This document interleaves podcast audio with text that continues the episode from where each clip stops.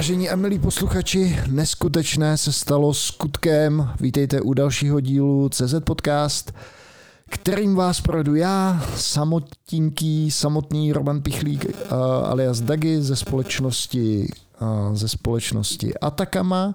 A dneska mi bohužel chybí Filemon, Čímž toho zdravím. Dnešní díl bude speciální, bude o technologii a, a produktu Apache Flink. Film mi napsal, hele Dagi, ono by bylo stejně lepší, kdyby se o tom Finku jako něco řekl, já tomu vůbec nerozumím. Takže děkuji ti, Filamone, že jsi mi svěřil tuhle tu vzácnou roli. Možná trošku čuchem, že s tím byly jiný důvody, že přece jenom jsme včera vypráskali slávy v derby, takže nebylo úplně košer, aby se tady na mě další hodinu a potom včerejším vyprasku koukal. Nevidí, my se uvidí, e, nevadí, my se uvidíme v pondělí. Tak, a protože to téma Apache Flinku je pro mě osobně zajímavý, um, kvůli Atakamě, tak jsem s Atakami pozval Vaška Broce. Ahoj Vašku. Ahoj Dagi.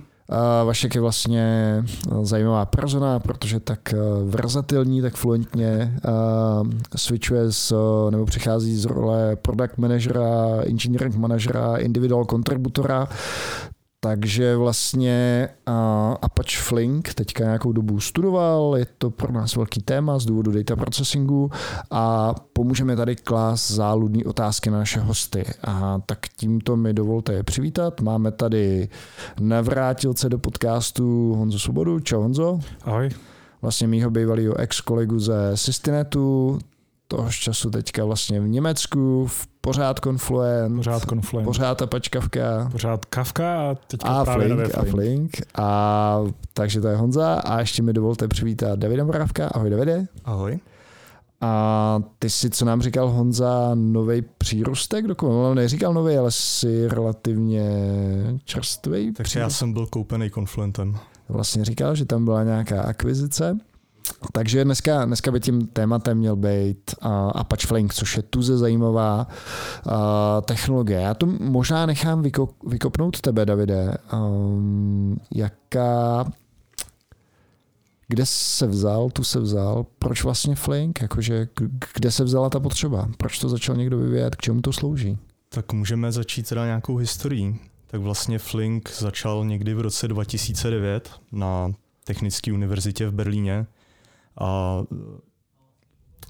tenkrát tam prostě běžel research ve smyslu, existuje nějaký Hadoop a možná bychom na Hadoop mohli mohli aplikovat optimalizace, které známe jako z relačních databází a z toho databázového světa a tím, tím udělat všechno lepší.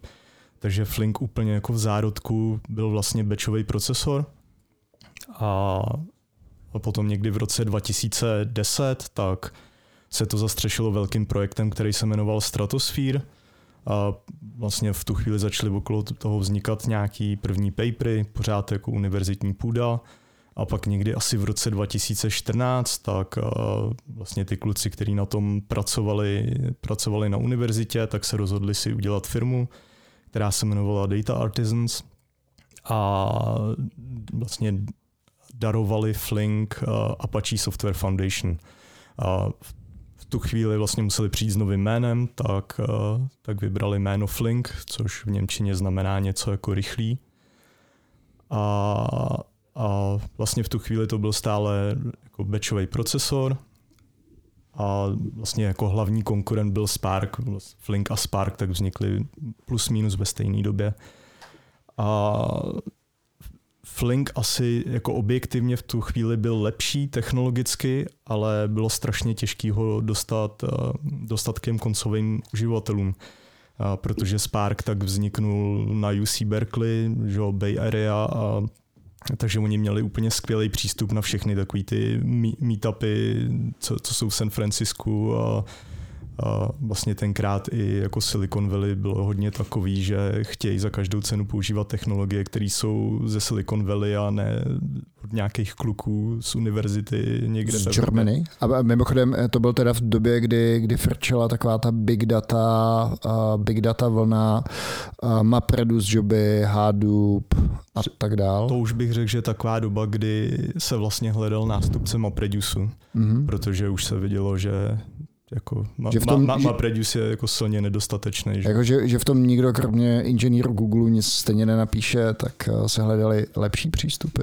Jako no, user-friendly? Mm, to není jenom o tom, jestli je to user-friendly, ale i o efektivitě. Že jo? Prostě v MapReduceu se udělá jeden shuffle, to znamená jedna agregace na jeden job a a většinou jakýkoliv reálný datový pipeliny tak jsou mnohem složitější a těch jako kroků vyžadují strašně moc a když se to dělalo v tom MapReduceu, tak to znamenalo, že vlastně jedna pipeline musí být série nějakých MapReduceových jobů, který běží sekvenčně po sobě a, a bylo to strašně těžké to zorchestrovat, strašně těžké tam zařídit, aby nějak správně fungovala fault tolerance.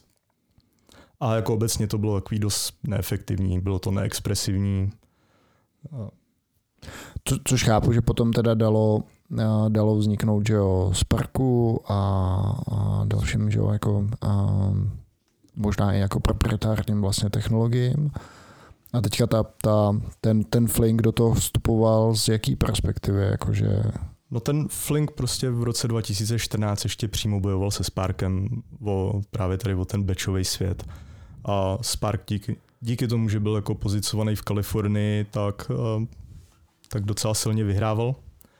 A někdy asi v roce 2015 tak eh, kluci z univerzity v Maďarsku tak eh, začali na mailing listu otevírat témata, ale co kdyby, co kdyby Flink dělal streaming, jo? tady jsou nějaký první pull requesty a zkuste si to a Uh, ono se ukázalo, že to je docela dobrý a pak když o tom se vlastně začal, začala ta komunita víc přemýšlet, tak se zjistilo, že tohle by mohl být nějaký směr a, a v tom streamingu bude budoucnost. Protože když se podíváme na to, jak se dneska jako používají batchový joby, tak většina, většina z toho jsou stejně nějaký periodický joby, který běhají, já nevím, jednou za hodinu, jednou za den a a vlastně svět je čím dál víc a víc real time a jako lidi chtějí odpovědi hned a, a te, takže ten streaming jako dlouhodobě je cesta.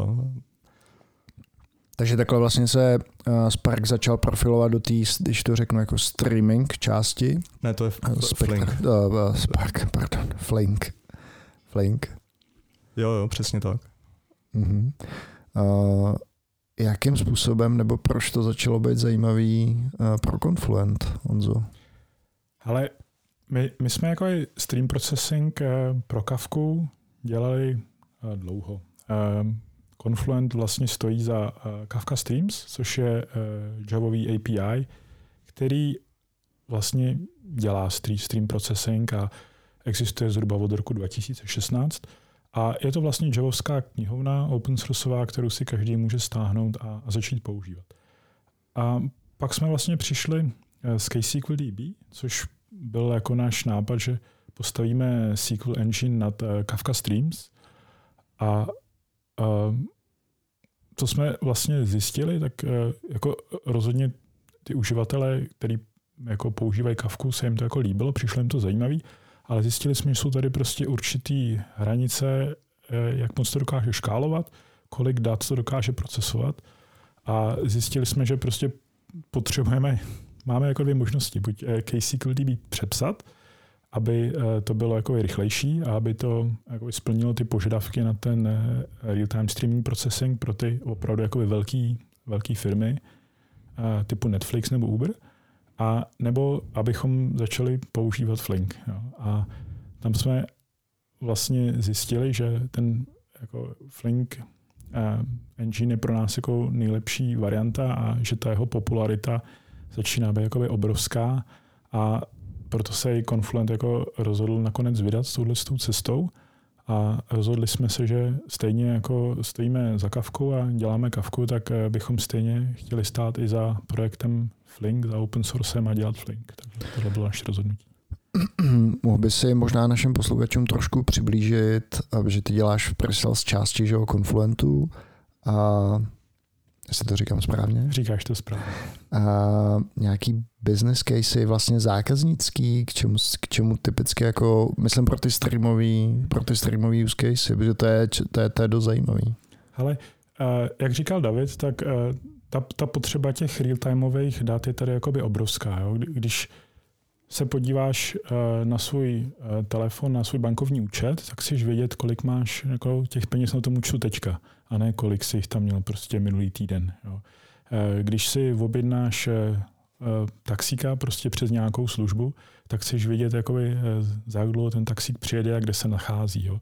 A to jsou jakoby, takový běžný příklady přesně jako real-time processingu, že potřebujeme jako vyhodnotit ty data v reálném čase. Eh, typický příklad je třeba, co dělají banky, nějaký, eh, nějaký security eh, threat detection, fraud detection, jestli máš skenují payment zprávy a koukají se třeba, jestli ty peníze byly vybrané na místech, které jsou od sebe tak vzdálený, že to prostě nedává smysl a podobně. To jsou takové jako nejběžnější scénáře.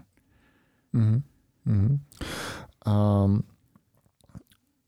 ten, když to řeknu, ten hlad po těch uh, streamových use casech uh, a ta potřeba vlastně pouštět na tím uh, nějaký, když to řeknu, jako data processing joby nebo analytický query byl teda ten důvod, proč jste se rozhodli, že vlastně dává smysl, uh, dává smysl se zaobírat Flinkem. Jo, jo, protože my, my už jako u Kafka Streams jako vidíme, že ten, ten hlad jako po tom stream processingu je obrovský akorát uh, vidíme, že ta technologie má nějakou kapacitu, kolik jako dokáže těch dat najednou zvládat. Jo. A, a když se uh, podíváš na, na ty jakoby největší firmy, přesně typu Netflix nebo Uber, který má jakoby obrovské množství dat, který potřebují zprocesovat v reálném čase, tak jsme právě zjistili, že potřebujeme něco jako Flink. Hmm, hmm. Um, jaký tam vidíš, nebo vidíte případně třeba podobnosti s Kavkou z pohledu toho, my jsme se o tom teda trošku bavili z pohledu toho, že vlastně Apache Flink je vlastně konkurence, ne konkurence, je to open source a vlastně kdokoliv, ať už to jsou velký cloudoví hráči, to vlastně může vzít a, a zapakovat to jako, jako technologie nebo produkt, který vlastně, který vás vlastně může jako vyštípat. No. To, tak ono to není, že může, oni už to dělají. A jako asi největší cloudový provider Flinku je v tuhle chvíli AWS, ale oni prostě tu cloudovou službu staví úplně jinak, než bychom ji chtěli stavět my.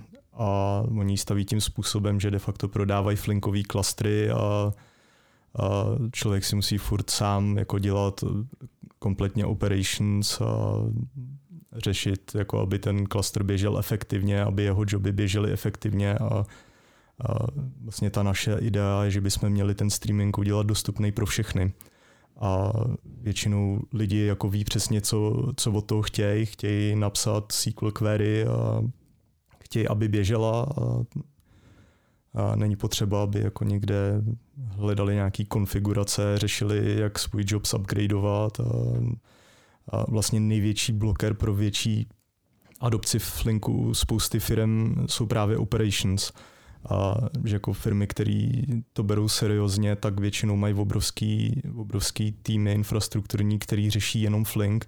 A na, například v Apple tam je prostě 10 až 20 lidí, který jim, jim staví platformu pro provozování Flinku. Já jsem slyšel, Davide, takový tvrzení, že provozování Flinku je složitější než provozování kavky. Tak to jste, ale kavku jste hodně vytunili, ne? No, ale ještě jsou tam rezervy. no, je to možný. No. Hmm. Mimochodem, Davide, jak ty jsi se dostal k Flinku? To bylo někde v seznamu, nebo?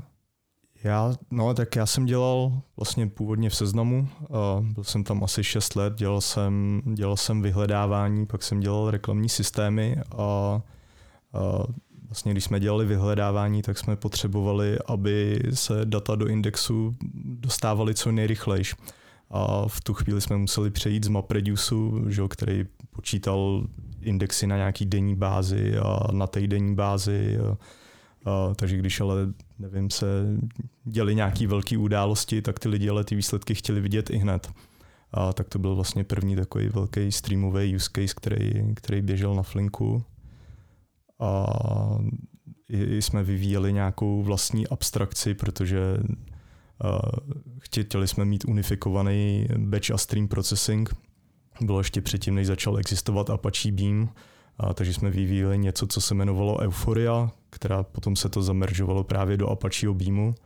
A tak jsem se dostal jakoby k open sourceu, stal se ze mě Beam committer, jezdil jsem po nějakých konferencích, A potkával jsem se právě tady s lidma, co dělali Flink a, a potom se otevřela pozice vlastně tenkrát už ve Ververice, protože ta firma, která původně stála za Flinkem, tak udělala exit a byla koupená Alibabou. A takže tam se otevřela pozice tam dělat nějakýho techlída. A tak jsem potom hned skočil a asi po roce, po dvou, tak jsme se rozhodli, že z té firmy odejdeme nějakým větším počtu a založili jsme si vlastní firmu, která se jmenovala Imrock a právě asi po tři čtvrtě roce nás Confluent koupil a teď jsme, teď děláme Flink v Confluentu. Mm-hmm. mm-hmm. Vašku, možná uh, z jakého důvodu uh, my jako Atakama se zabýváme tím, uh, že bychom ideálně nebo ideálně možná chtěli vlastně používat Apache, Apache Flink, co by nám to mohlo dát? No, my k tomu jdeme úplně od lesa. Uh, nás v podstatě vůbec nezajímal nejdřív nějaký streaming nebo batching. V podstatě my jsme začali hledat uh, adekvátní náhradu na, pro náš existující processingový runtime, který nám pořád dobře slouží a v podstatě má i nějaký, řekněme, uh, deployment do Sparkového klastru. Uh, ten problém, který s ním ale řešíme, je to, že nedovoluje žádný distribuovaný processing sám o sobě, takže začali jsme dělat trošku rešerši, uh, začali jsme dělat nějaké jako menší PLC na Flinkem a kde skutečně ten Flink Excel byl, byl v té expresivitě a v tom, co byl schopný jako spočítat, ale podobně jako tady pánové zmiňovali, poměrně rychle jsme narazili na to, že vlastně nebudeme schopni to sami provozovat. Takže jak tady vlastně eh, Honza mluvil o možnosti nějakého manažovaného flinku, tak my jsme teď řekněme nějak eh, na trhu toho, kdybychom nás takováhle služba prostě zajímala, protože Atakama prostě je pořád velikostí tam, kde není konfidentní v tom, aby si sama provozovala flinkový klaster. Otázka je, jestli by si to vlastně uh, možná Davide doporučoval, jako aby, aby, si, aby si firmy uh, provozovaly vlastně jako klaster, nebo v jakou chvíli by ti to dávalo smysl? A ve chvíli, kdy budou Apple, tak by jo, asi tak to, je do, to je dobrý, to je dobrý threshold. Když tam budou mít těch 10-20 eh, lidí, kteří se o to budou starat, tak tak to bude dávat smysl. A mimochodem, jako ty lidi, kteří se tam o to dokážou starat, tak to jsou přesně ty lidi, kteří přišli s tím, že Flink má být streamový engine v roce 2015, jo? takže tam jako to všechno jsou core Flinkový komiteři a takže ty tam teď... Ty, ty, nejsou to žádný jakoby náhodní lidi, kteří jsou, který jsou dostupní na trhu. Což ono i spousta firm by si prostě ty jako infrastrukturní týmy rádi rádi postavili, ale prostě ty lidi na trhu nejsou. Mm-hmm. mm-hmm. Uh, možná Honzo, um, kdyby, jsme to, kdyby jsme se zpátky vrátili, nebo možná Davide, nevím, kdo z vás dokáže líp odpovědět, k těm kapabilitám, uh, myslím, uh, uh, produktovým nebo datovým, co všechno Flink jako dokáže, uh, uh, jak, jak, jak se třeba používá. Uh. Ale um, na tohle asi můžu jako odpovědět já z pohledu toho, co vidím u těch, u těch zákazníků, a že um, my máme eh, velké množství zákazníků, kteří používají kavku a um, používají vlastně kavku většinou na dva typy use caseů. První use case jsou jako datové pumpy, že prostě přesouvají uh, data z jednoho místa na druhý a potřebují ty data nějakým způsobem um, to masírovat. Jo. A to, to masírování dat spočívá v tom, že tam potřebuješ transformovat eh, ty message, nebo tam eh, potřebuješ nějakým způsobem filtrovat ty message, nebo něco takového předtím, než je pošleš do nějakého Snowflakeu nebo Databricks. Jo. Takže to je jakoby takový, takový první typ use case, který jakoby dost často vidíme, a kde je ten Flink jako přesně vynikající v tom množství těch dat, který dokáže zpracovat a třeba i zagregovat. Jo. A typicky takový use case je, že máme třeba děláš nějaký datový sampling a pozbíráš obrovské množství dat a chceš to nějakým způsobem agregovat třeba do pěti vteřinových intervalů a jenom jako pak poslat po těch vždycky pěti vteřinách ty, ty, ty data, který, který se sbíráš, nějaký jejich průměr. Jo. A to je jako úplně super, a přesně jako use case pro Flink, který ti zvládne takhle jako zagregovat v obrovský, obrovský množství, množství dat. Jo. Takže viděli jsme přesně jako třeba herní společnosti, to je jako velice, pro ně to jako velice zajímavý, protože oni z těch her sbírají jakoby neuvěřitelné množství metrik. Takže to je jeden, jeden takový typ věcí, um, které, kde vidíme, že Flink exceluje. A, a, a druhý uh, jsou ty firmy, které nad tím dělají uh, přímo jakoby stream processing aplikace uh, typu Uber, který uh, potřebuje jako počítat dynamic pricing, jo, že potřebuje prostě Eh, ve všech zemích. Jo, když, je, když je v pátek večer, tak mám jinou cenu než, Přesně, než nebo když prší, pondělí. Jo, nebo když prší, nebo když jedeš z fotbalu prostě domů a tak jako je, je ta cena pro ty fotbalové fanoušky samozřejmě úplně jiná, než eh, když jedou ráno prostě uh, seniori do nemocnice. Jo. Takže to, je, to je dynamic pricing, který oni tam dokážou. A to je všechno teda naimplementovan vlastně nad nějakým jako streamem, streamem dát přesně, pomocí, přesně. pomocí Flinku. A, jako, a tohle potřebuješ v reálném čase počítat. Jo. A hmm. potřebuješ to dělat v obrovské škále prostě po celém světě. Ještě možná můžete naťuknout, říkáš v obrovské škále, aby si to posluchači dokázali představit, o jakým objemu dát se vlastně jako bavíme, na čem to... Na čem to... Asi největší jako flinkový pipeliny, o, kterém, o kterých víme, tak jsou v Alibabě a vlastně v azijském světě existuje něco, co se jmenuje Singles Day, 11.11., 11., což je něco jako Black Friday v západním světě a tam jako za ten jeden den tam protáhnou prostě petabajty skrz, skrz jako flinkovou pipelineu, která dělá jakoby uh, de, nějaké jako dynamické reklamy, doporučování. Uh, tak to jsou asi největší use case, je tam hmm. prostě několik terabajtů stateu.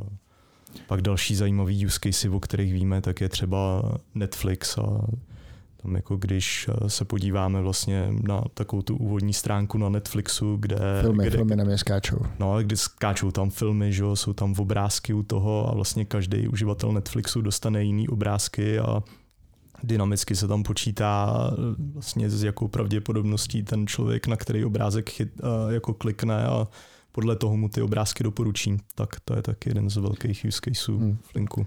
Mimochodem Netflix si to taky provozuje sám, nebo to je, to je váš zákazník, nevím, jestli to můžete říct. Myslím manažovanýho Flinku. Netuším. Honzo, ty ani, ani já ne, ale naše služba ještě jako Flinková bude vlastně dostupná za, za tři týdny. My vlastně na Kafka Summitu v Londýně uh, ohlásíme surprise, surprise general availability, takže vlastně ještě jako dneska na uh, Manage Flingu nemáme jako žádný zákazníky. Hmm. Hmm, hmm. Ale s tím, s tím use casem jsem mi připomněl, že teďka je nějaký kriketový turnaj v Indii, kde vlastně používají jako naší kavku. A že mají z toho všichni jako obrovský e, obavy, protože na tom sbírají přesně nějaký metriky z těch kriketových zápasů a jsou tam přesně nějaký neuvěřitelný objemy dat, jako je to fakt jako v petabajtech dat, který tam hmm. jako jdou přes kavku. Když se všichni prostě chtějí podívat na výsledky těch kriketových zápasů. Jo, takže nějaký live sport pro Pakistán, Indie a podobně. Jo, jo, přesně takový. Jo. Uh-huh. Uh-huh. Možná mohl by si něco říct, uh, Davide, o to, té technologii, která vlastně, jak je, jak je, jak je, jak je Flink postavený, na jakých technologiích to stojí, možná víc o té uh, architektuře. Tak Flink je distribuovaný systém uh, postavený v Javě. Což... Slyšíš to, Filemone, v Javě, jo? V Javě. Je tam, je tam Spring? A není, není tam Spring, je to, je to prakticky čistá Java. Jediný asi, co tam je takového výrazného, tak RPC stack je nad akou, ale je vyabstrahovaný, takže je možný, že ho teď vyměníme kvůli tomu, že se změnila licence u AKI. A, u AKI se změnila licence? Okay. Jo, jo. A teď vlastně jsme to přemigrovali na Apache Peko, což je fork AKI a, pořád, to, je to, pořád ta je napsaná ve skale, nebo? Jo, to je pořád napsaná ve skale. Ale jinak Flink už je uh, až na nějaký výjimky kolem SQL Planneru, tak je napsaný kompletně v Javě. Hele, jaký je ten důvod, že se vlastně takovýhle mm, high performing technologie, kam teda já řadím i, i Kavku, a proč se to píše v Javě? Proč to třeba se, že to už jsou relativně nové technologie, nebo minimálně Flink, že jo, Kavka ta je ještě starší, ale proč se to třeba nepíše v Goučku nebo v nějakých podobných? Protože v době, kdy se to psalo, Goučko neexistovalo. Aha. A jako když se podíváme vlastně na ten landscape, co Protože jako dne, dneska vzniká Neexistovalo v Goučko. roce 2009, jestli existovalo, tak to určitě nebyl dospělý jazyk, ale spíš Hmm. nějaký research proje, projekt v Google. Ale když se podíváme dneska na to, co vzniká jako za nové technologie vlastně v tom streaming landscapeu, tak a všechno se píše v Rustu. Tam je ještě vlastně důležitý, že Flink, ale stejně jako Kafka Streams, používá RocksDB, který je vlastně napsaný v C. To je vlastně jediná komponenta, Davide, nebo se pletu, která je v C.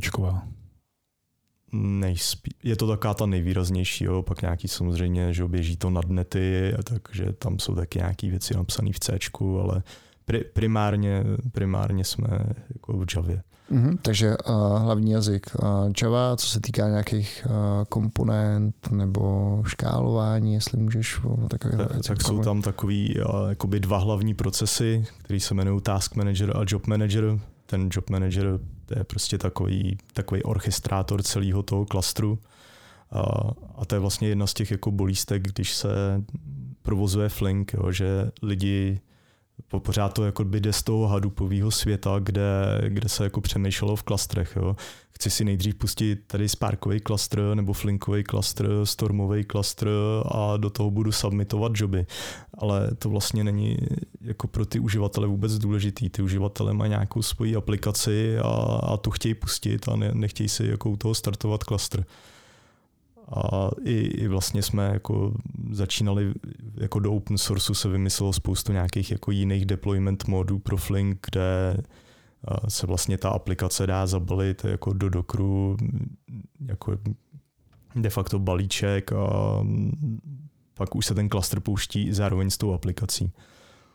Ale furt je to jakoby distribuovaný, distribuovaný systém. Takže když chci tu svoji aplikaci naškálovat, tak musím přidat workery, což jsou ty task managery a, a tím vlastně A deployment je teďka asi do Kubernetes jako nejčastější.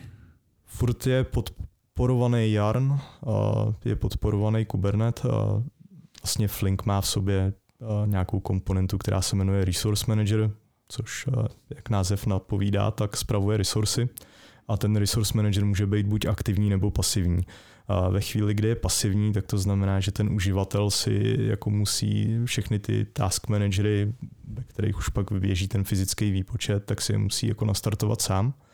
A to je asi vlastně v současné době ten nejčastější deployment mod, protože když bude někdo používat jakýkoliv Kubernetes operátor pro Flink, tak, eh, tak nejspíš ten operátor si sám jakoby pouští pody a nenechává to na Flinku. A pak je taková jako eh, ta druhá možnost, což jsou aktivní, to fungovalo třeba na Jarnu a tam bylo, že když ten resource manager věděl, že hele, tenhle ten job by potřeboval jako víc zdrojů, tak a aby mohl běžet, tak vlastně nastartoval na Jarnu další kontejnery a, a vlastně ty nastartovali task managery, ty se připojili do toho klastru a ta aplikace mohla běžet. To, to samé tak existuje i integrace pro Kubernetes, kde si vlastně Flink sám dokáže jako pouštět a další, další workery ve chvíli, kdy je potřeba. Hmm. A to mě právě překvapuje, že přestože to má, mm, podle toho aspoň jak to popisuješ, docela dobrou integraci s Kubernetes, tak pořád dochází k tomu, že vlastně je to složitý operovat, že bych možná čekal naivně, že to bude fungovat out of the box, včetně teda škálovatelnosti. Tak ona, jakoby to spuštění toho klastru je jakoby jenom jedna část, jo, ale když se podíváme na ty streamové pipeliny obecně, tak ve, ve chvíli, kdy budu ten Netflix a chci, aby mi to počítalo thumbnaily, nebo budu Uber, který potřebuje dynamicky počítat potřebuju, ta, potřebuju, ta, taxi potřebuju, ratey, tak potřebuji, potřebuju aby to taxíka z Edenu domů, protože jsem Spartan a Slavě s tím chtějí dát přes hubu. Přesně tak. To bude a, drahý.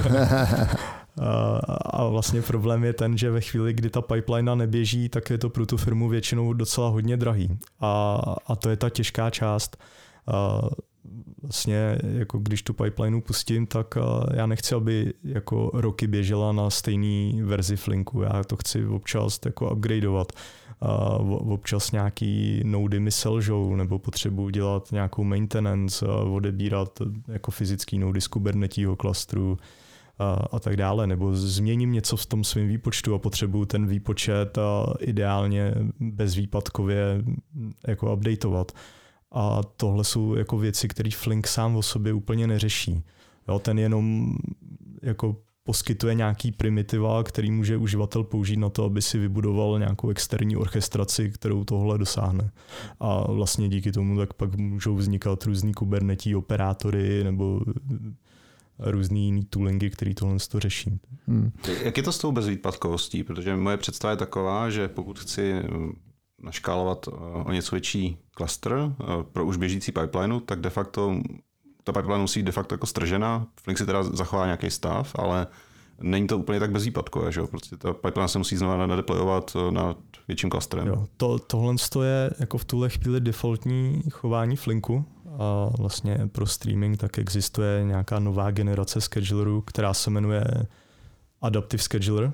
A to vlastně ten, ten scheduler si hlídá, kolik ta pipeline potřebuje resursů.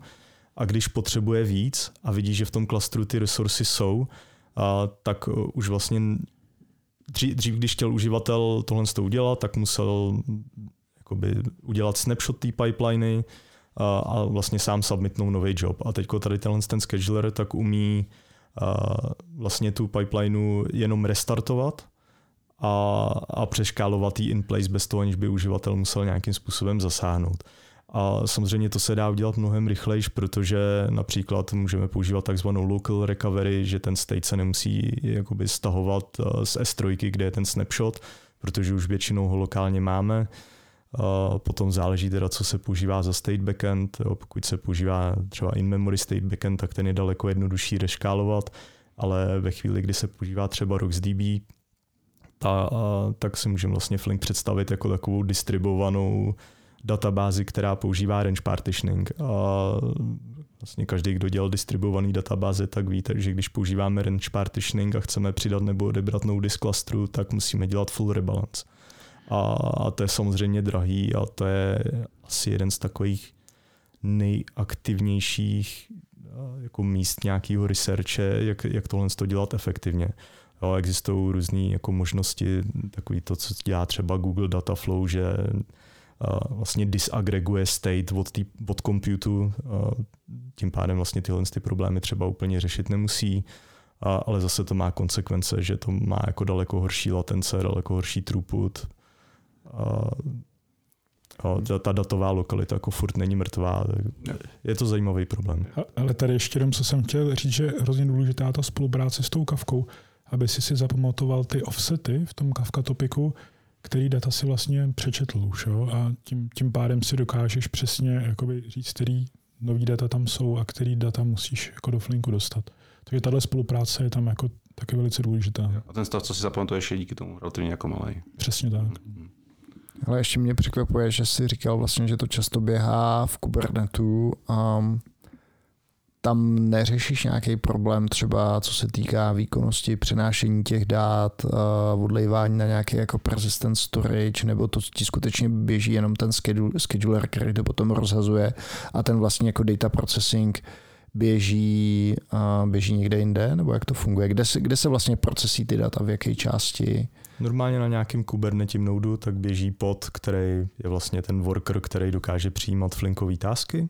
Ano, a, a ty data čte teda z S3 nebo z nějakého? No, da, da, data jako ta pipe, záleží, jaký má ta pipeline no. na input, že? tak většinou no. víme, že asi 70% attach rate Flinku a Kavky, takže drtivá většina jako lidí používá Flink s Kavkou, což je taky důvod, proč to bylo tak zajímavý pro Confluent.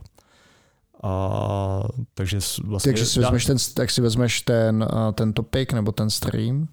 Přesně, te, ten čtu, pak na něm dělám nějaký transformace, agregace a většinou, když dělám agregaci a dělám ji na streamu, jak si potřebuji pamatovat nějaký stav.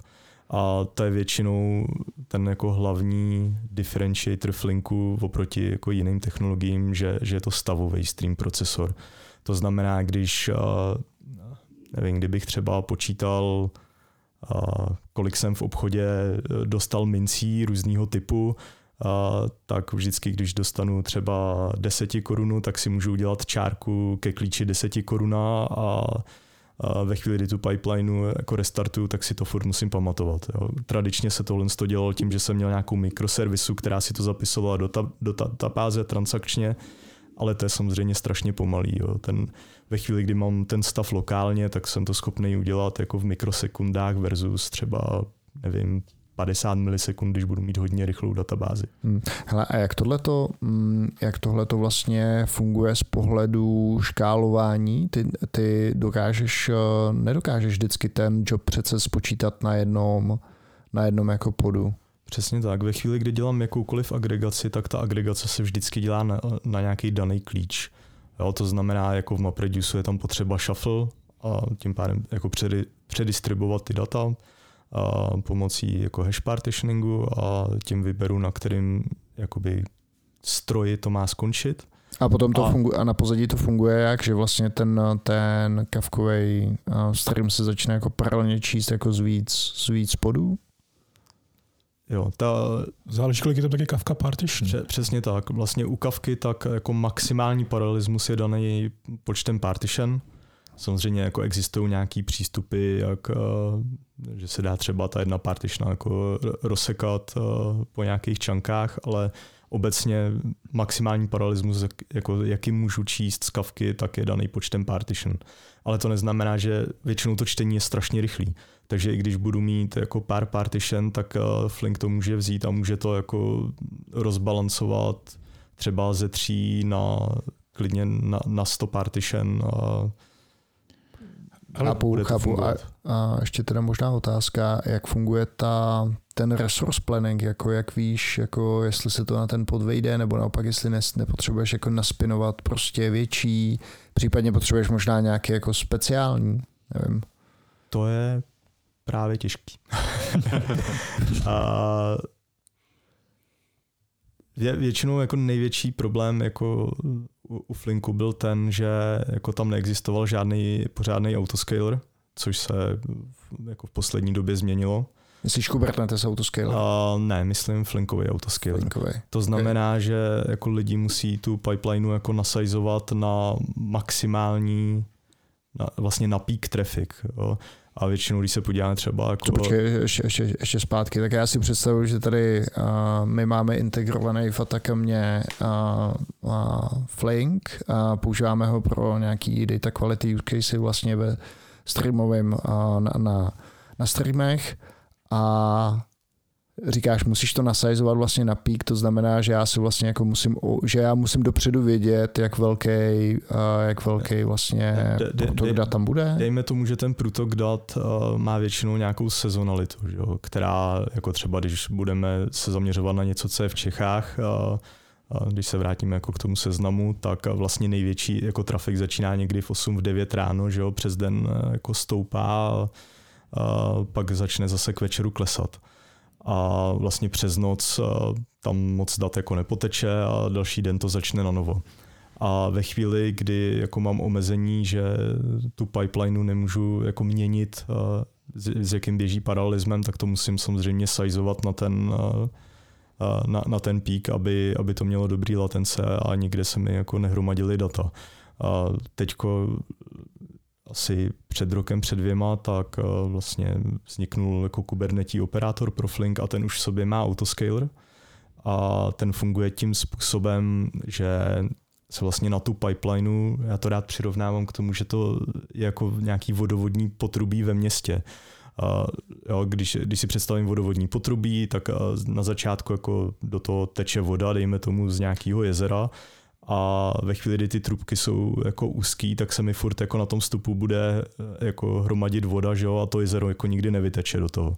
Ale vlastně ten autoscaler se dívá na to, jak moc musí ty trubky roztáhnout eh, tak, aby se tam žádná ta voda jako na tom vstupu nehromadila a vše, všechno se stihlo zprocesovat. Takže on se jako nekouká na nějaký konkrétní resursy typu CPU a memory, ale dívá se vyloženě na to, že takovýhle potřebuju maintainovat throughput. Já vím, že když mám tenhle ten operátor v jedné instanci, tak on dokáže tohle jakoby jeho kapacita, kolik dokáže zprocesovat zpráv za sekundu a podle jako z těchto dvou informací jsem schopný jako vlastně zjistit, jak velká by ta, ten, no, kolik instancí toho daného operátoru potřebuju. To bylo vlastně i naše pozorování v Atakamě v rámci toho PLCčka, kdy jsme poměrně rychle zjistili, že bez nějaký jako masivní multitenance vlastně bychom takový klaster vůbec neuživili. A de facto ten nejvýhodnější jako patent byl prostě začít tam sypat eh, vlastně všechny ty joby od všech, od všech tenantů najednou, eh, prostě saturovat tu pipelineu, než, než dělat cokoliv jiného. Puštět tam třeba individuální eh, pipeliny a workloady a tak dále. No, to, tohle je samozřejmě jako problém a jako v open, v open sourceu na tohle to neexistuje perfektní řešení a, a tohle je v principu něco, co se jako Confluence snaží vyřešit, aby, aby mohl běhat ty joby jako efektivně. Protože existuje spousta jobů, který budou žrát 0,001 CPU a pak jsou nějaký, který potřebují 10 CPUček a ale Flink se na ně jakoby dívá podobně, takže... Hmm. Ještě uh, ve, v tom vašem offeringu vy to děláte tak, že to je vždycky dedikovan tomu zákazníkovi, to znamená, že a když si vezmu Flink od Confluentu, tak dostanu vlastně jako dedikovanou instanci, nebo dokážete dělat nějaký a... nějaký multitenanci, nebo případně kde tam ten prostor pro tu multitenanci vidíte? Já, já bych se jako na to díval pohledem, co je to multitenance. A nebo co, co znamená, že to je single tenantní a... O, tak promiň, tak, takže dokážete, že, tak samozřejmě multitenance může pak existovat na různých místech, ale třeba na tom, předpokládám, že na tom computu, na tom klastru je to relativně v pohodě, nebo není, nebo, je, nebo už ale... to musí být jako dedikovaný k té kavce? My máme jenom jako hodně diskuzí se zákazníkama přesně o tomhle tom, kde je ta izolace, jako kde, kde oni potřebují mít tu, tu izolaci, jestli je to prostě na úrovni podu, na úrovni nodu, na úrovni prostě virtuálního story a podobně. Takže je to přesně, jak, jak říká David, jako je důležitý si vlastně vyjasnit, co, co jsou, kde jsou ty hranice no, a co potom můžeme od sebe izolovat. Jo, přesně tak. Jo. To, to, to, je ten point, že jako multitenance je jenom úhel pohledu. Jo. A můžu se dívat na to, že mě jako zákazníkovi stačí jako izolace to, že jsem separátním kubernetním podu, někdo bude chtít, aby byl na separátním nodu, někdo bude chtít být v separátním VPCčku, někdo bude chtít mít separátní datacentru, centrum, jo, a když se podíváme třeba na ten, e, jako když máme nody na AWS, tak stejně ten, jako když si vezmu AWS instanci, tak je single tenantní nebo ne, když nemám celou fyzickou mašinu. A de facto my ty, to rozlišujeme jakoby na dva světy, na jako svět, který běhá user code a svět, který neběhá user code, takže jako trusted a untrusted. A ve chvíli, kdy to neběhá user code, což je obecně SQL, SQL svět bez nějakých UDF, a tak tam můžeme jako s tou multitenancí, pokud dokážeme odizolovat i třeba v jednom procesu ty uživatele od sebe tak, aby tam nebyl jako ten noisy neighbor problém, tak, tak je to vlastně bezpečný, protože tam vlastně ten zákazník nebo ten uživatel se tam nemá jako šanci dostat. Ve chvíli, kdy jsou to ty UDF, tak například my nevěříme ani Dockeru jako, jako izolaci. Jo, tam se běhají nějaký kata kontejnery, a co, což je něco, a Amazon má něco podobného, jmenuje se to Firecracker, a to jsou víceméně, je to, chová se to jako kubernetí klastr, ale ty pody jsou prakticky nějaký kvm virtuálky nevím, jestli je to KVM, ale něco na ten způsob, je to prostě plná hardwareová virtualizace. A pak se ještě můžeme bavit o tom, no a opravdu to stačí, když na tom hypervizoru se můžou dva virtuály dostat na stejný core a někdo tam může udělat nějaký ataky typu Spectre Meltdown a jako opravdu takové jako diskuze o tom máme. Máte jako ty zákazníci jdou až takhle jako do hloubky, že chtějí znát jako tu úroveň izolace? Jo, a ještě máme jako naprosto jako parado, paranoidní sekuritu. Jo. A vlastně ten náš jako šéf security jako říkal, já už jsem dělal ve spoustě takových jako velkých firm a po každý mě hekli. Tak... Ty, ty diskuze s těma zákazníkama jsou rozhodně třeba z toho finančního světa je, je tohle to jakoby hodně zajímá, protože hm, mám, mám pocit, že sami se v tom jakoby pořádně jako neorientujou, takže i se v tom jakoby sami chtějí vzdělávat. Jako, to je asi ten jako nejlepší přístup, když máš s nimi nějakou diskuzi a oni si poslechnou tvoje argumenty a řeknou ti, jakoby, jako jejich představu a, a dokáže si to jako mezi sebou vysvětlit. To je asi jako nejlepší přístup, ale když někdo řekne, ale já prostě nechci multitenenci, ale nedokáže ti vysvětlit, co to znamená. Hmm, tak možná já to pojmenuju, nebo zkusím zeptat ještě jinak. Vy dokážete udělat vlastně dedikovanou instanci toho Flinku pro toho zákazníka? To předpokládám, že jako dokážete.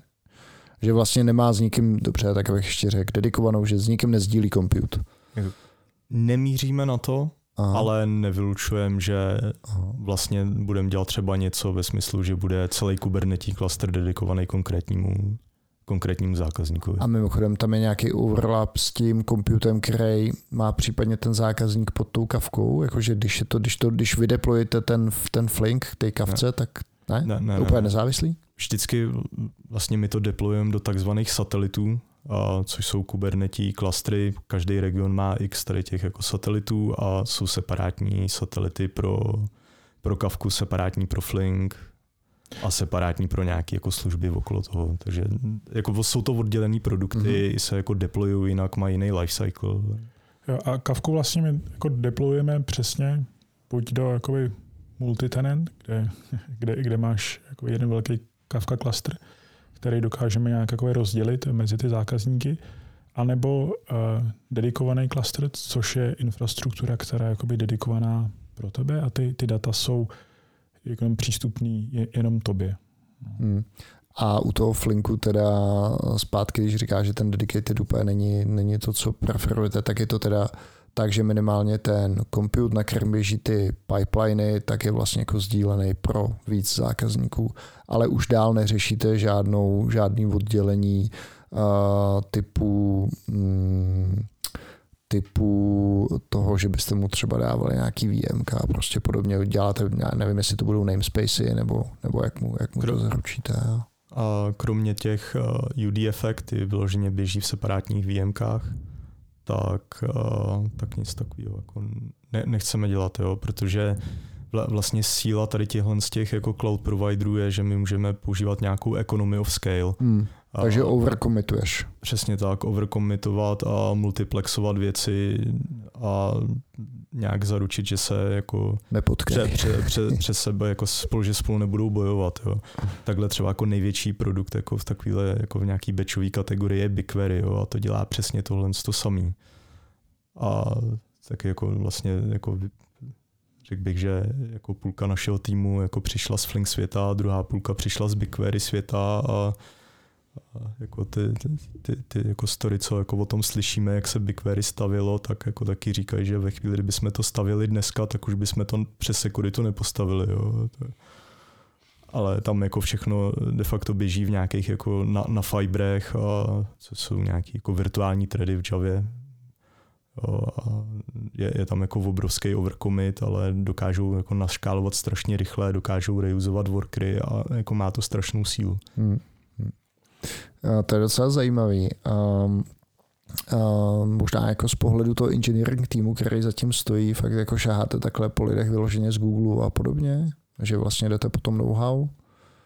Tak to byl vlastně ten jako tým, který tam byl předtím, než, ne, než my jsme přišli. Tak ten jako přišel, to, to byl vlastně jako uh, řekněme engineering leadership z BigQuery, a samozřejmě vždycky, když přijde nějaký že šéf BigQuery do, do firmy, tak si sebou začne natáhávat svoje lidi. Bylo to vlastně, Davide, že ti skáču z řeči, jako ještě tak, že jsme tam měli jako půlku lidí přesně z Google z BigQuery a půlku lidí z, z Azure. A nevím, jestli to takhle bylo jako cílený jako protiváha, ale fungovalo to docela dobře, protože eh, oba... A z Azure z jaký technologie? Z nějakého jako eh, uh, sign-ups nebo... Eh, z Event Hubs tam byli lidi a převážně. Což je jakoby... Ale tak ten Hubs to by mělo spíš blíž ke kavce, ne? Nemělo? Uh, jo, je to tak, je to tak, no. A pak vím, že dělali taky nějaký stream processing. No, a, no a teďka, když se teda tady ty dva světy potkali, tak vyhrál teda ten BigQuery? Ty, ty, ty, ty, já nevím, jestli, jestli za, nějaký, za, zač... vyhrál i Merok. vyhrál Flink, no. To, To ale právě ty jako stály před tím jako rozhodnutím, začneme jako dál investovat do KSQL DB, ale víme prostě, že to má jako obrovský limity a že nám to... to tomu rozumím, jako že, že ta KSQL, že jste vlastně no. dali přednost jako Flinku. No, tak, tak dali, dali přednost Flinku, že jo, a teď začínali zjišťovat, no akorát, že my nemáme lidi, kteří by dostatečně rozuměli Flinku na to, aby jsme byli schopni postavit produkt, jaký bychom chtěli a náhodou vlastně existovala jako firma, která se jmenovala Imro, která měla 20 flinkových komitrů a, a, takže, a dokázali ji koupit. No. Takže ty lidi, kteří dělali vlastně to BigQuery, tak ty stáli za to KSQL nebo, nebo ne, ne, ne. Eh, ty, ty lidi, kteří jakoby přišli k nám z BigQuery, tak ty stáli za tím rozhodnutím, jak pokračovat dál. To Aha. znamená, eh, hmm. jako, jakou cestou se vydat, protože my jsme jako začali pošilhávat po Flinku a tam bylo rozhodnutí, jestli si tu expertízu vybudeme sami, anebo jestli si ji jakoby koupíme. Jo.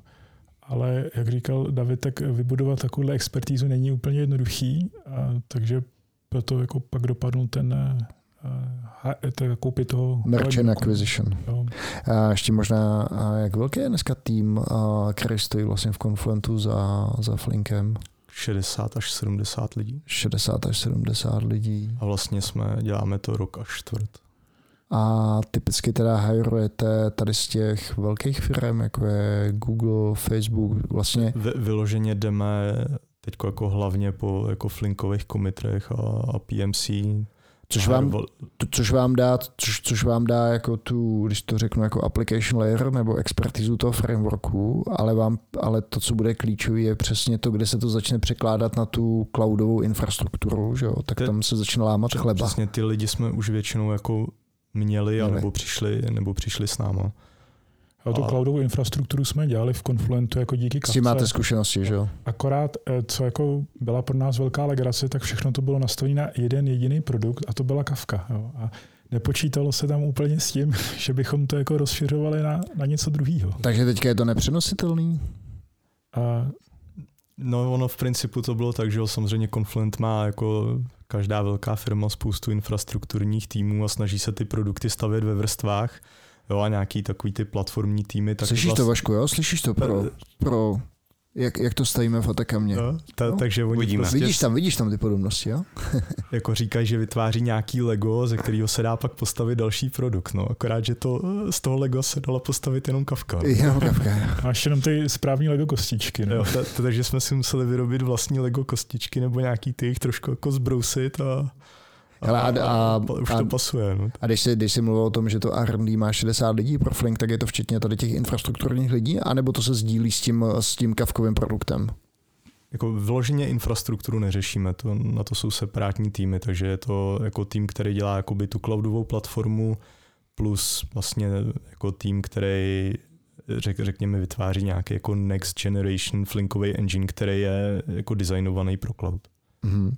A co to znamená, že je designovaný pro cloud? To znamená, že například jako třeba ta moje idea, jak by měl jako fungovat Flink na cloudu, tak je, že řekněme takový ten koordinační proces, což je ten jako job manager, takže se to nějakým způsobem rozpustí do té jako cloudové vrstvy a řekněme, že třeba celý region, který bude mít, já nevím, tisíce, desetitisíce noudů, se bude chovat jako jeden velký flinkový klaster, který je jakoby multitenantní.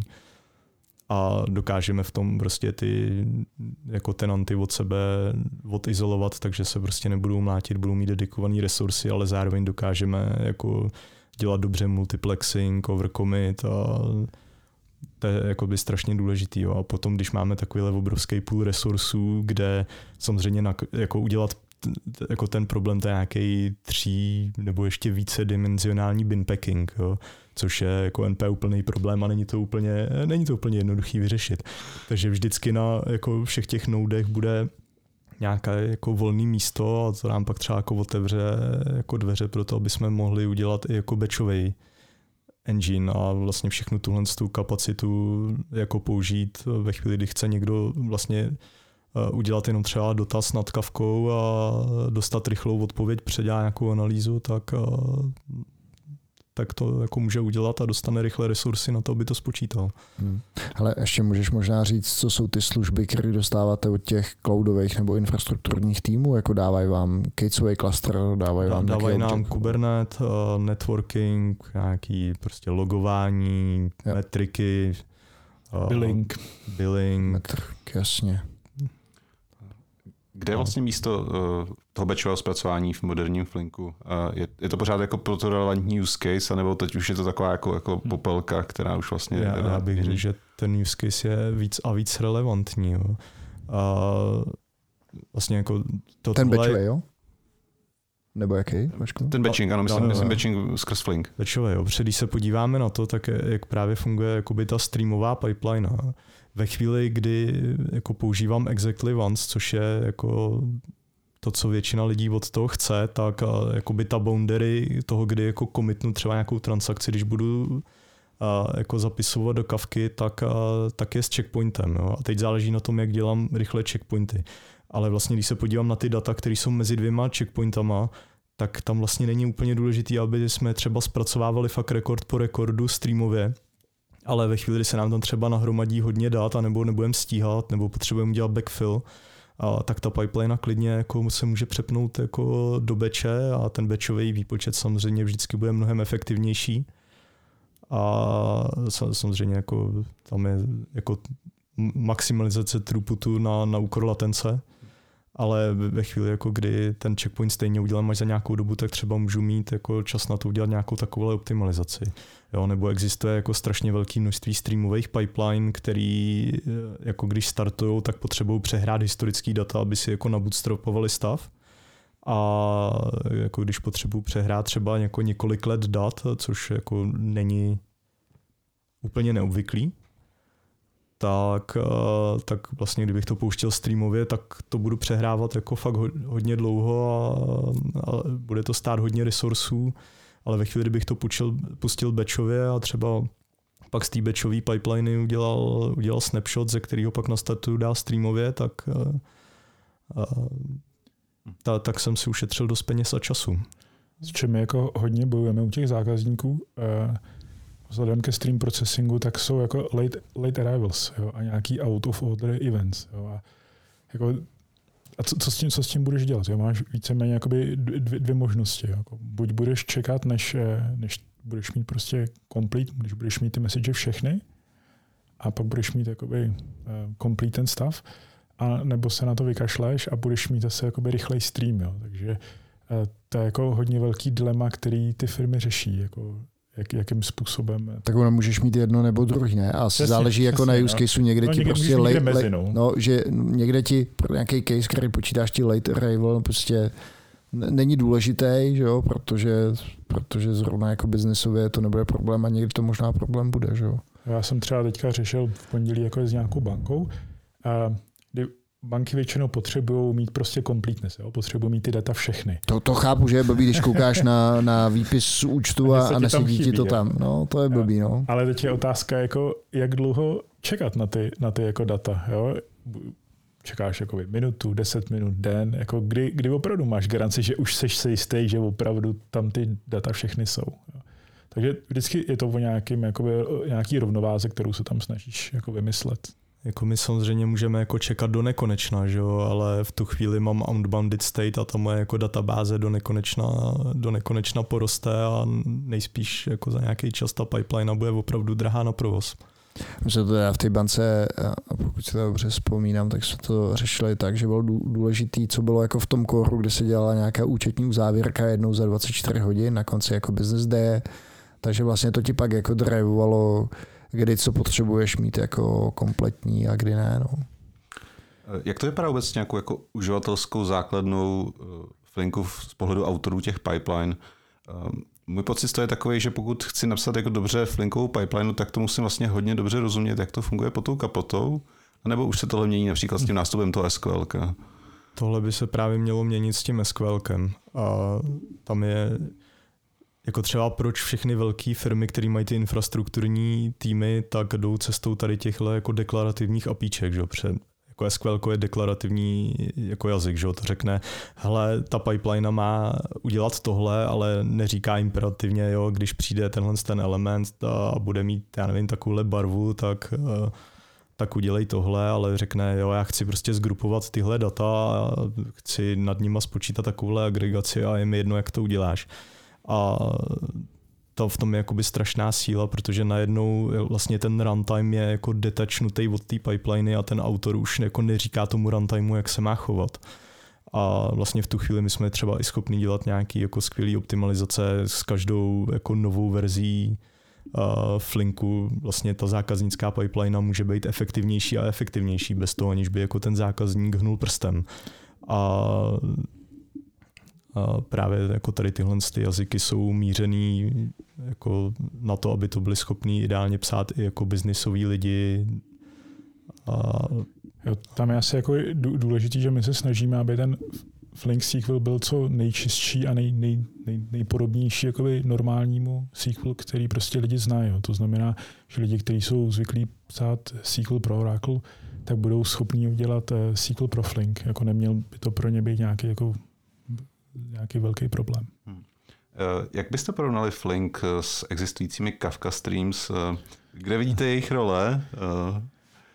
Jo, tohle je asi můj oblíbený dotaz, protože já tohle řešíme skoro už. Na každém prešel skoulu se tě na to někdo no, ptá. Jo. ale spoustu zákazníků to teďka řeší a jsou to takový nervózní, jako že, že jako mají Kafka Streams, dělají ho dlouho, mají třeba od nás koupenou nějakou podporu a teďka vidí, že se najednou Confluent zamiloval do Flinku. A, a řešíme prostě, jako máme do toho jít, máme zůstat u Kafka Streams. A vždycky oblíbená odpověď it depends, jakože vždycky záleží na těch, na těch use casech a na tom, na tom množství dat. David tady jako mluvil o tom, jak je Flink rychlej a což je jakoby hodně jakoby věc, kterou ty zákazníci řeší, jestli to rychlo spotřebují, ale pak je to důležité ještě tam ten stav, jakože eh, Flink s tím state, s tím stavem jako umí jako pracovat mnohem rychleji než Kafka Streams, protože Kafka Streams si uchovává ten stav vlastně v Kafka topiku a když se ten stav poškodí, co znamená, nebo když třeba potřebuješ eh, ten Kubernetes pod upgradeovat nebo něco podobného, nebo třeba jenom škálovat eh, na víc instancí, tak si musíš ten stav znova z toho Kafka topiku načíst, což ti může jakoby trvat jako velice dlouho. Takže eh, to jsou třeba problémy, který Flink nemá, ale já to vidím i z toho pohledu, že Flink je takový centralizovaný eh, nástroj, který jako hm, třeba někdo spravuje a, a někdo má nad ním nějakou governance. Kafka Streams je spíš do jako microservices světa, že máš jakoby Java vývojáře, který si používají, jako stáhnou si Kafka Streams API knihovnu a, a používají si to jako součástí svojí javovské aplikace a nepotřebují nad tím nějakou zvláštní governance, protože na tom třeba nemají nějaký jako zvláštní výkon a podobně. Takže my se, já si myslím, že je tady jako budoucnost rozhodně pro oba tyhle ty jako frameworky. Oba jsou dobrý jako v trošku něčem jiným a já ten překryv jako nevidím zase jako tak velký. Jo, já bych souhlasil, no. Je to prostě Flink je takový jako fakt eh, nabušený data processing engine, který je jako nezávislý a Kafka Streams je lipka. A s tou si můžu dělat, co chci a asi mi nikdo nebude nikde hostovat a já si ji zaembeduju do svojí aplikace, můžu se tam dívat do stateu, můžu, a můžu to škálovat prostě jenom tím, že přidám pody a nechám všechno na kavce ale samozřejmě jako to má svoje problémy tím, že všechny šafly bude dělat přes kavku, bude si tam držet state, tak, takže jako jsou to výhody, zároveň nevýhody a ty technologie jsou k něčemu jinému. No. Ale zároveň jako máme pořád jako Confluent má celou řadu jako Kafka Streams committerů a pořád jako se jako Kafka Stream se vyvíjí dál. No. Jak vypadá provoz Flinku za nějakých jako omezujících omezených podmínek, řekněme na nějakém edži, je to vůbec jako realistické, nebo spíše ten, ta správná idea prostě poslat to kavku někam do nějakého toho sdíleného klastru, kde už se o to jako postaráte? Jako viděl jsem nějaký researche uh, od nějakých lidí, kteří to jako zkoušeli dělat, ale to já ne, nemyslím si, že to je technologie, která je na tohle vymyšlená. Jo. Už jenom prostě to, že to běží v Javě a prostě ten footprint bude vždycky nějaký netriviální. Jo. Další věc, že to je jako distribuovaný systém. Jo. Jak jako budu běhat distribuovaný systém na Edge. To je, to je většinou... Taky záleží, jak je ten Edge velký, víš, oni jako jsou... jestli, jestli je Edge za myslíš jako tako, nebo myslíš takovou tu potopenou ponorku, co má, uh, nebo ty kapsle, co měl, že jo, a Microsoft jako datový centra. Já, já, já právě vím, vím, že jsme jako měli nějaký případ, že eh, jsme měli kavku právě na těch jakoby zaoceánských výletních lodí, jo, který prostě po, tam jako používali se Kafka jako pro messaging, když tam jako na té lodi cokoliv zaplatíš a tak, že ti tedy prostě do centrálního Kafka klastru a pak to se posílá z té zaoceánské lodi do nějaký centrály té firmy. Jo. Takže, takže i, i loď může být jako Edge. A, a tam si ten Flink jako dokážu představit, tam by se to, na tu loď by se to asi vyšlo. Jo, tam by to asi šlo. No. Eh, jedna z takových challenges, který teď trošku jako vlastně potkáváme, uh, jak vypadá jako dobrá organizace kódu pro autory těch pipeline? Protože dokážu si krásně představit ten svět, kdy mám teda nějaké ty makroservisy, které si pospojují těma Kafka Teamsama možná. Eh, de facto každá ta mikroservisa může být vlastně na nějakým jiným týmem. A teď dejme tomu, že bych chtěl teda udělat nějakou jako hezkou data processingovou platformu. Jak byste doporučovali eh, v rámci firmy zorganizovat to přispívání eh, do té společné třeba function UDF base, řekněme code base? A pak jak vypadá třeba ten deployment, aby byl jako dostatečně, řekněme, dekaplovaný v rámci té organizace? No tak ve chvíli, jako když si to provozujete sami, tak nejspíš budete mít nějaký jako kubernetí operátor a většinou v tomhle světě tak se zase všechno řeší deklarativně, že jo, ta jako pipeline je většinou popsaná nějakým kubernetím hmm. resursem, a většinou se stejně dají popsat nějaký artefakty, což můžou být i UDF a pak se to vlastně deployuje podobně jako jakýkoliv jiný kubernetí manifest. No. A ještě k tomuhle, pardon, já k tomuhle akorát přidám, že jsem jako vidím teďka dvě cesty z pohledu těch uživatelů. Jedna cesta je uh, Jupyter Notebooks, jako, uh, na kterou jsou jako, jako uživatelé zvyklí.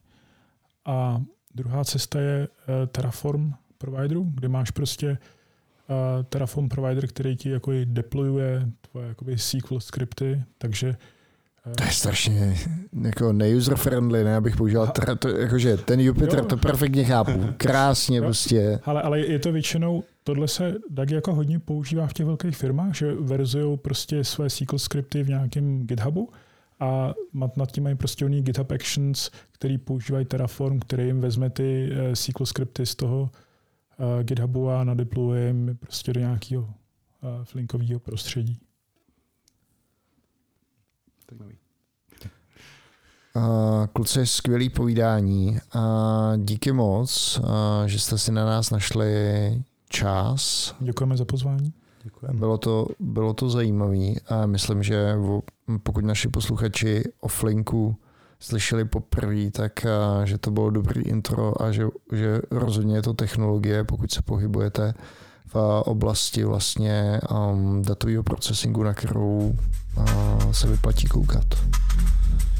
Díky a ahoj. Děkujeme. Ahoj. Díky. Ahoj.